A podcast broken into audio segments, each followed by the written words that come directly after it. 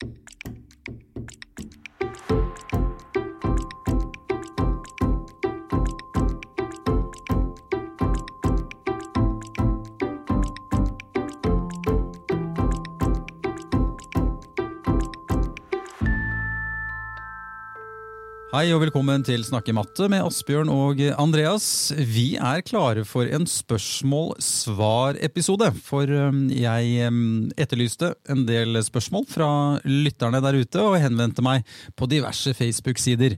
Undervisningsopplegg, um, ja, matematikk, didaktikk, siden status lærer. Sånne sider som eh, lærerne kjenner. Mm. Så dette er litt spennende, Asbjørn, å, å, å høre hva, hva, de, hva, de, lurer på der ute om matematikk. Enten det er foresatte eller, eh, eller, lærere. Absolutt, og gøy å kunne ta opp noen av de tingene i en eh, podkast. Ja, det er det. Jeg tenker at vi går rett på første case. Ja. ja. Og den er relativt kort, men vi synes den er meget interessant.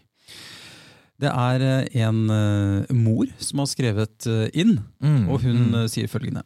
Hvorfor endrer oppstillinger og strategier man skal lære seg over tid? Om de gjør det. Ja. ja. Og ikke sant, Her tolker vi det som at vi snakker om liksom, oppstillinger og strategier for fire regnearter. Pluss, minus, gange og dele. Vi må tolke det sånn. ja, vi, ja, vi, vi gjør, gjør det. det. Ja. og det er jo interessant, og jeg tenker hvis vi ser litt sånn over lengre tid, så endrer de seg. Det er helt klart, altså, Mange foreldre reagerer jo veldig på det og syns det er veldig rart mm. at eh, elevene lærer på andre måter nå på skolen enn når de gikk på skolen, og de syns det er veldig vanskelig, og det skaper ofte en del konflikter på hjemmebane også.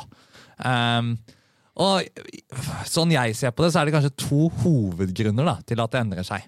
Uh, det ene er jo at vi rett og slett har fått mer matematikkdidaktisk forskning som sier noe om hvilke strategier er det det er klokt å arbeide med. Mm. Um, og, og, der har jo ting utvikla seg, og man har, ser ting på andre måter uh, nå.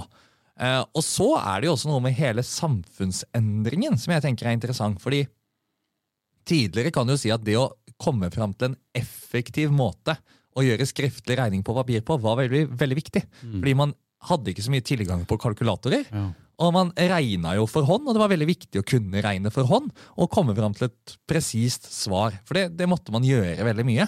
Og da var det viktig å komme fram til disse standardalgoritmene som mange foreldrene kan. Som er en, mm. en fast måte å gjøre det på, der man følger en prosess eh, eller en algoritme, og så kommer man jo fram til et svar. Og det er jo mye, vikt, mye mindre viktig nå, i dag. Mm. Fordi alle elevene har en kalkulator i lomma på telefonen, liksom.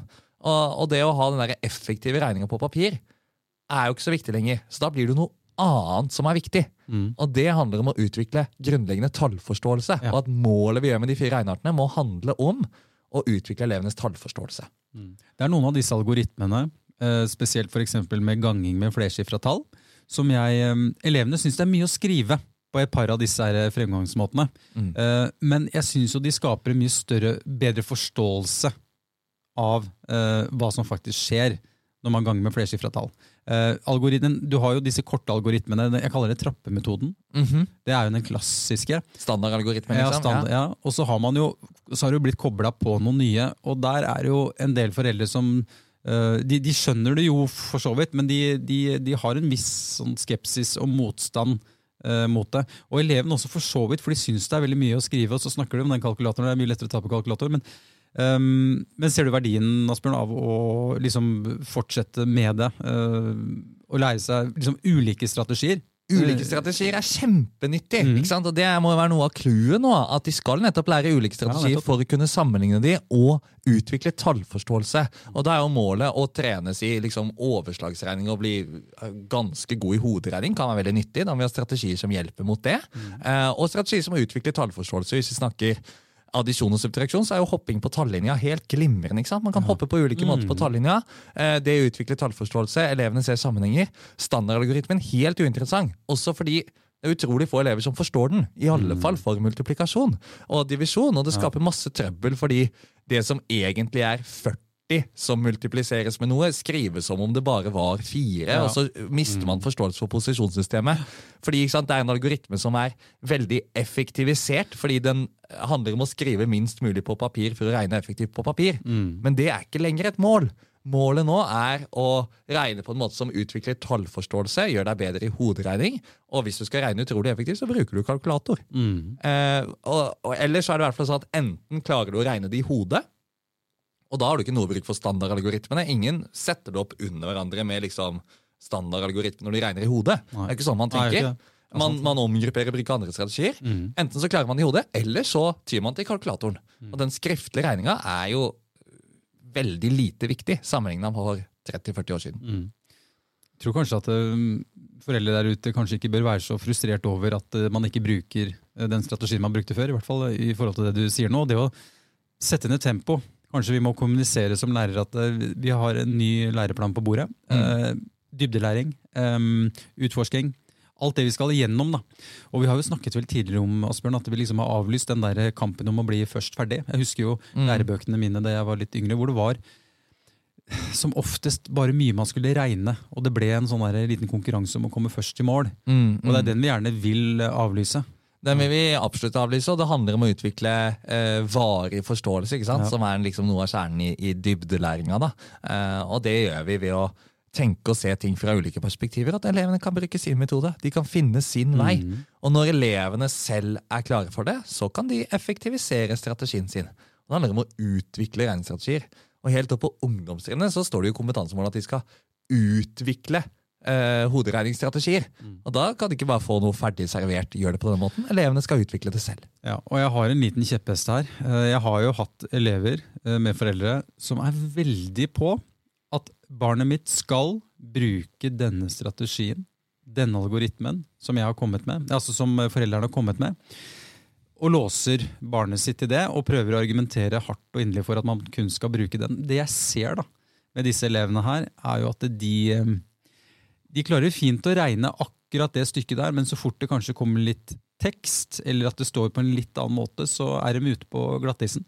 Eh, og det, det blir så låst. og... mm, ja, jeg har, hatt, jeg har hatt noen utviklingssamtaler på akkurat dette, her, altså, så hvor jeg må argumentere hardt og inderlig for at det du gjør nå, er eh, mer til skade faktisk enn nytte. Mm. Det er ganske, jeg tror vi faktisk må være såpass eh, ærlige Det med er- foreldrene på akkurat dette her, når det skjer. da. Det er ganske sterkt, men jeg er helt enig. Det, det, det kan skade mer enn det hjelper hvis man på en måte bare skal pugge noe som man ikke skjønner hvordan fungerer. For da klarer man ikke å overføre den kunnskapen man har i en situasjon, til en annen situasjon. Som er det kompetansebegrepet sier at vi skal. ikke sant? Elevene skal mestre eh, oppgaver og utfordringer i kjente og i ukjente sammenhenger og situasjoner.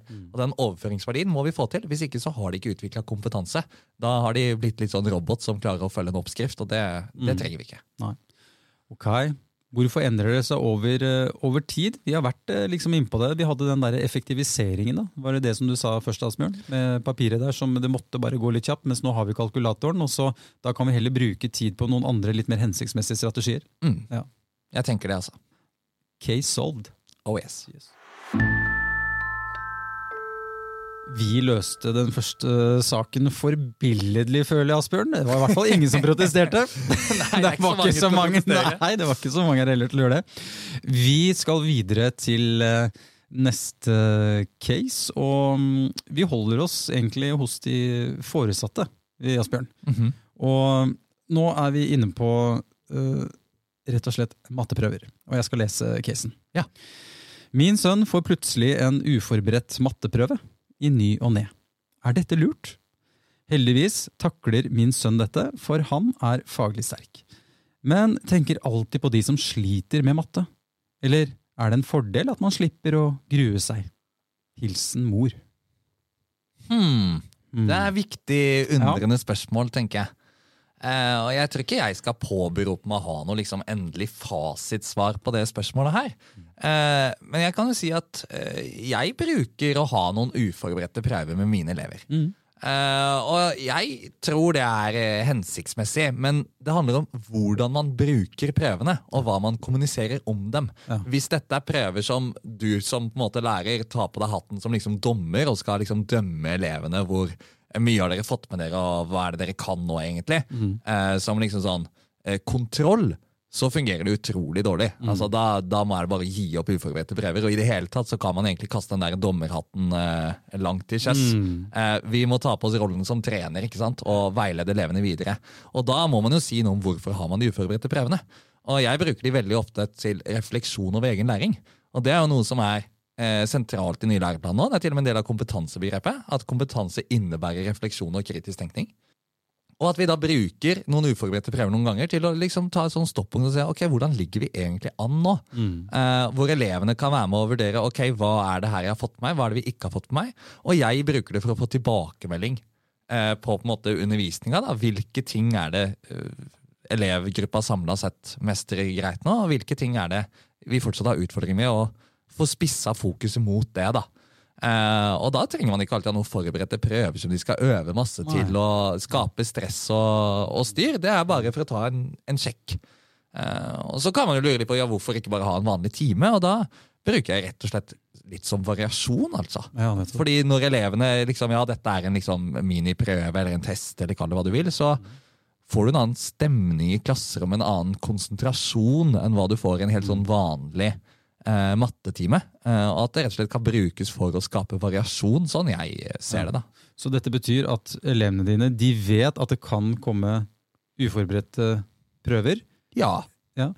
Men det er ikke noe de trenger å forberede seg til. Det er, det er ingen forventning om at det er Og hvis de, La oss si at til og med en elev skulle få null poeng, da, ikke få til noe på en sånn uforberedt prøve, Mm. så er jo ikke det noe som har noe betydning for hvilken karakter de får. Nei. eller noen Nei, sånne ting? Og det er jo veldig viktig å kommunisere Ja, til elevene. Ja, ja. Fordi Hvis man ikke gjør det, så er det jo kjempetrøbbel med uforberedte prøver. For da går elevene rundt og er stressa Ja, ja, ja. Men jeg tror ikke at mine elever eh, er veldig stressa for uforberedte prøver. Det er, det er noen i starten fordi de ikke tror på meg når jeg sier at dette ikke har noen påvirkning på karakteren. Ja, de eller tror- noe sånt. ja. De, de tror jeg bare bløffer, liksom. ja. Men så etter hvert så blir de jo overbevist, da. Ja. Og så har det jo selvfølgelig betydning at hvis du viser masse kompetanse, så viser du at du kan ting. Det er jo bra, men det kan ikke noe mer på en sånn uforberedt prøve enn på en, en helt vanlig klasseromsituasjon. Noen vil kanskje snakke om, liksom, om ja, men det har ikke fått noen kriterier, og de, de vet liksom ikke om kriteriene. Hva tenker du om det? Nei, og det gjør de jo for så vidt ikke i forhold til akkurat den prøven, men, men eh, de vet jo hva de skal lære, hva de skal mestre, hva de skal forstå, for det snakker vi om i undervisningen. Vi snakker jo om hva er det som er målene for opplæringa, og, og så kan jo det gjøres på ulike måter, i langt perspektiv og i kortere perspektiv, og uforberedte prøver kan jo være alt fra en speedtest, som jeg liker å kalle det, på fem Ja. minutter, til Mm. eh, litt sånn lengre. Det er sjelden vi har veldig lange uforberedte prøver, eh, og jeg har det ikke så veldig ofte, liksom. Dette syns jeg var veldig interessant. For Mitt utgangspunkt var at eh, vi bør kanskje unngå uforberedte prøver, men det du sa innledningsvis, det med å ta av seg dommerhatten.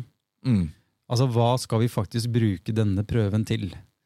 Og hvilken eh, ja, kultur, atmosfære, eh, stemning har du i klassen? Hva er det du har sagt til dem på forhånd rundt dette her? Det høres helt avgjørende ut, og det, Mm. jeg kjøper den. jeg. Ja, jeg. det, jeg kjøper den. Jeg er kjøper, jeg, jeg kjøper den. For dette, hvis det er en åpenhet om at dette her er sånn du jobber, og de, de, du snakker jo om i hverdagen hva dere faktisk driver med, så vil jo kriteriene på en måte være kjent.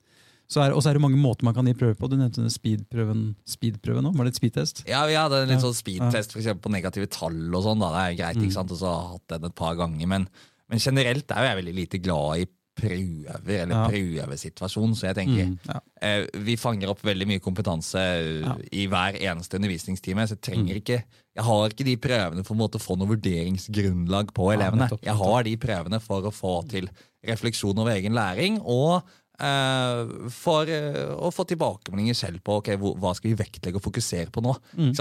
Formålet må være å bidra til læring. Og hvis, hvis du ikke har det i hodet, så da kan vi gi litt opp. Ok, men da kan denne moren her senke skuldrene. Trenger ikke å være våkne, våken i de sene nattetimer og bekymre seg. Eh, vi, vi, så lenge formen på dette her er eh, at den er bra, så, så kan det funke. Ja. Ja, den på. ja, ja men den, jeg kjøpte den.